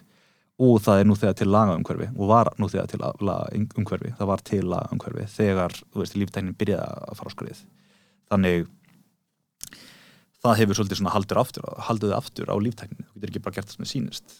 En þú veist það er einmitt öfugt við hvernig þú veist, þetta var, internetbúmi var þú gæst gert, það sem þið síndist svo lengi sem þú hafði kunnáttunum til að gera það. Það var svona vilda verstrið mm sem í raun og veru hefur ekkert verið staðan í líftækni. Og það er það sem getur af sér svona ótrúlega um, hvað segir maður um, öflug fyrirtæki og, og svona miklar breytingar er eins og samfélagsmiðla.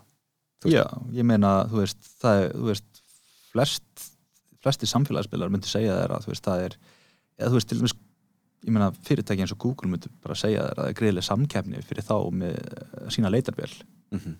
þú veist, Bing, Bing er ennþá til, er það ekki? Jú. Ég held að, á ég að binga það, á ég að googla það? Já, þú veist, það er spurningin, skilur mig, þú veist, er í raun og veru samkeppni, við veitum ekki svona í hvort að Bing sé ennþá til, þú veist, þetta er kannski, þú veist, kannski erum við bara ekki vel að okkur í þessu, en ég meina, það er, held ég, þú veist, ég held að þeir séu með frekar góða stöðu á markaðunum þegar kemur að leitavélum, Google, Mhm. Bing er til sko. Ok, ég var að binga Æsland já, já. og það kom Æsland ok, mjög gott. En ég meina, við sjáum líka að allt þetta í líftæknin er að verða ódýrar og ódýrara. Hérna, þegar þú veist, fyrsta erðamengi fyrsta bandsins var sem sagt, var sem sagt bara þegar, þegar það var greint þá kostaði það, held ég, svona miljard bandaríkadala mm -hmm. og í dag getur þú bara sendið inn og gert það á nokkur hundruð. Einmitt og þú veist, við erum bara að tala um eitthvað, þú veist ekki einu svona tvo áratví svona cirka tvo áratví þú veist, þetta gerist mjög hratt. Og þú veist maður sér kannski framtíð það sem í staðin fyrir það að þú ert með eitthvað krakka sem er rosalega góður að búið lengur töluleik í, þú veist, í, í fartölunum sinni og maður er bara, wow, þú veist mjög flott eða sem krakka. Kannski verður þetta orðið svo ódýrt og kannski bara keft búnað til að vera með heima bara, á, veist, bara enn í herbergi og þú verður með eitthvað svona biohackers bara heima á sér. Mm -hmm. eins og við sjáum í dag, þú veist, það er fólk sem þú veist er að einhverju biohackers sem eru þú veist að reyna að sprauta einhverjum, einhverjum, þú veist, einhverju dóti í sig til þess að, þú veist, þú veist ég veit ekki hvað eru að reyna að gera þú veist, eitthvað svona, gera sér sterkari eða eitthvað. Mikið af þessu fólki er örugglega með podcast sko. Þessi biohackers, já. Er þú einhverju svona? Ég er ekki byrjaðar sko en, Ok. en hérna en ef að þú ert með einhverjar sko um, pælingar? Pælingar þá hérna skal ég alveg vera tilruna dýr ok, ég prófa það einhvern tímann. En ég meina, þú veist, þetta er samt alveg svona áhugaverð þróun, þú veist, hvað, hvað viljum við, þú veist, getur, getur búið til bara einhverja veirur heimaður sem er, þú veist, getur búið til þú veist, COVID-20 þú Mhm. veist, heimaður eða, eða, eða einhver tjúkdóm, eða hvað sem er, skilur mig, þú veist, ef, ef þú ert bara með búnaðin heimaður ef við rótir rótirari Einmitt. og þá fara sömur að segja ok, shit, þannig að það er hægt að misnota þetta mjög mikið en á sama hátt er þá hægt að í raun lækna þetta mjög mikið líka.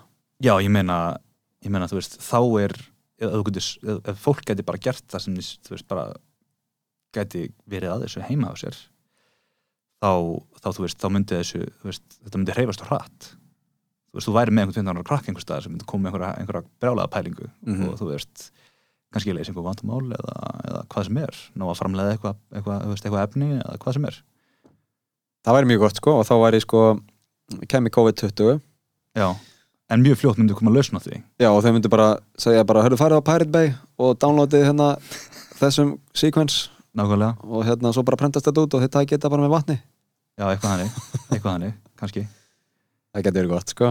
Um, já ég meina það veist, að því að maður hugsaður um uh, svona the 2000s mm og, og jafnvel 2010 líka 2010s sem hérna e, sko ef, þú ert í startupi þá er það oft sko hugbúnaður. Mhm. þú veist, allir að gera hugbúnað eitthvað svona. -hmm. þannig að kannski er sko 2020, 2030 2040 og upp úr þá er hérna við erum að renna inn í hérna líftækni búmið. Einmitt. Uh, það getur verið gott sko. Eða fjárfesta í, í líftækni?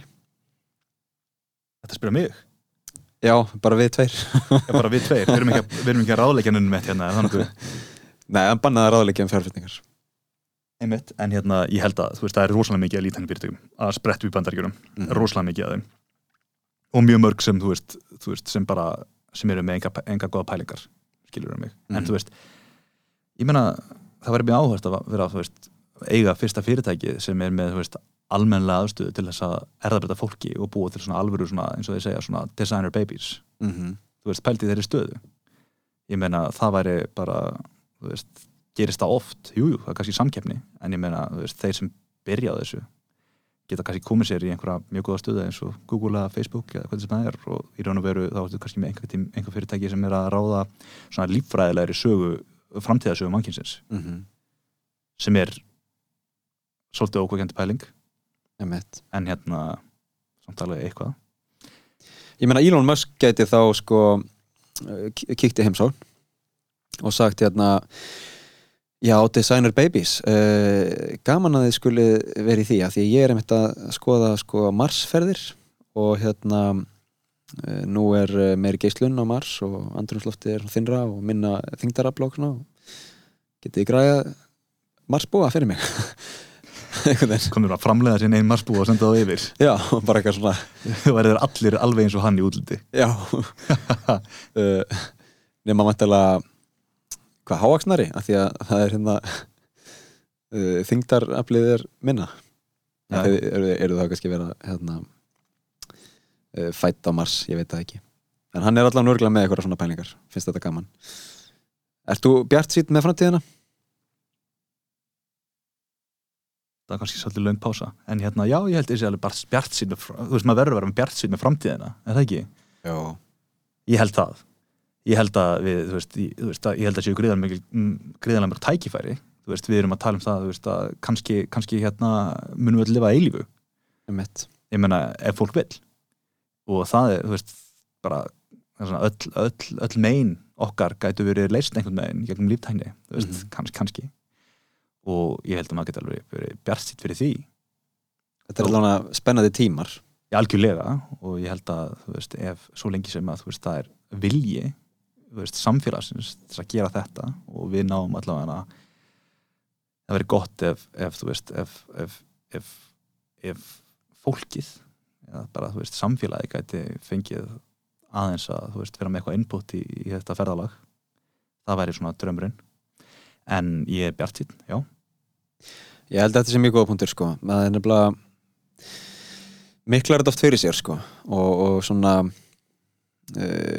ítir þessu jafnvel frá sér að hérna gerfugreind, líftækni, þessar stóru pælingar eru einhvern veginn of stórar eh, fyrir mann þegar maður þarf í raun bara að hérna vera að versla í matinn í bónus og, og hérna díla við hækkandi bensínverð og, og vorið sem kemur aldrei og skamdegið og vetuna og allt þetta dót sko. Aha. þá var mér eitthvað, þú veist ég get ekkert verið að pæla í líftækni. En við verðum eiginlega að pæla í því og við verðum að vera meðvitað um það því að þegar tímapunkturinn kemur Mm þá verðum við að hafa einhver rödd og vonandi einhver áhrif. Já, algjörlega. Og ég held að veist, þetta er ekki bara veist, þetta er eins og við segjum, þetta er ekki bara eitthvað á þetta er ekki bara á ákvörðun einhverja vísindumanna eða einhverja svona einhverja, einhverja viðskiptamanna einhver staðar veist, einhverja, veist, einhverja Elon Muska einhver staðar. Ég menna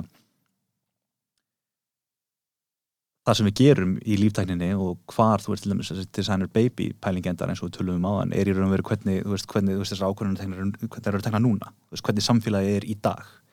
Og hverjir eru þeir sem, þú veist, íta samfélaginu í einhverja átt eða í aðra átt? Þú veist, það, þú veist, það, það getur verið hver sem er. Mm veist, það, það er bara við í heilsinni þú veist, það, það er til dæmis bara listamenn sem eru búið til, þú veist, einhverja leiksýningu einhver staðar, þú veist, það hefur áhrif á, þú veist, á, á, á, þú veist, á samfélagi kringum okkur, þannig, þú veist þetta er ekki, maður getur ekki bara að kúpla þessu út og sagt bara, heyrðu, þetta eru bara vísindamenn sem þurfa að vera að pæla í þessu. Þú veist, jú, ég held að þú veist, maður verður að treysta vísindamönnum þegar kemur að, þú veist, að, að, að, að COVID og, og þú veist, að bóluefni og þannig. En þegar kemur á svona stórum, stórum spurningum eins og, þú veist, fram, líffræðilegri framtíð mannkynsins, þá held ég að það væri mikilvægt ef við myndum öll svona öll hafa það í huga og reyna reyna, reyna, reyna að koma sér góðan farveg það er góður lokapunktur mm. við erum alveg að fara um viðan völl Mm -hmm. Ísar minn, ég bara þakka þér kærlega fyrir komuna og uh, óska þér góðs gengis í mastersverkefninu sem á eftir að fá titil það kemur sérna Það kemur senna. Takk fyrir komuna Takk hérlega fyrir mig.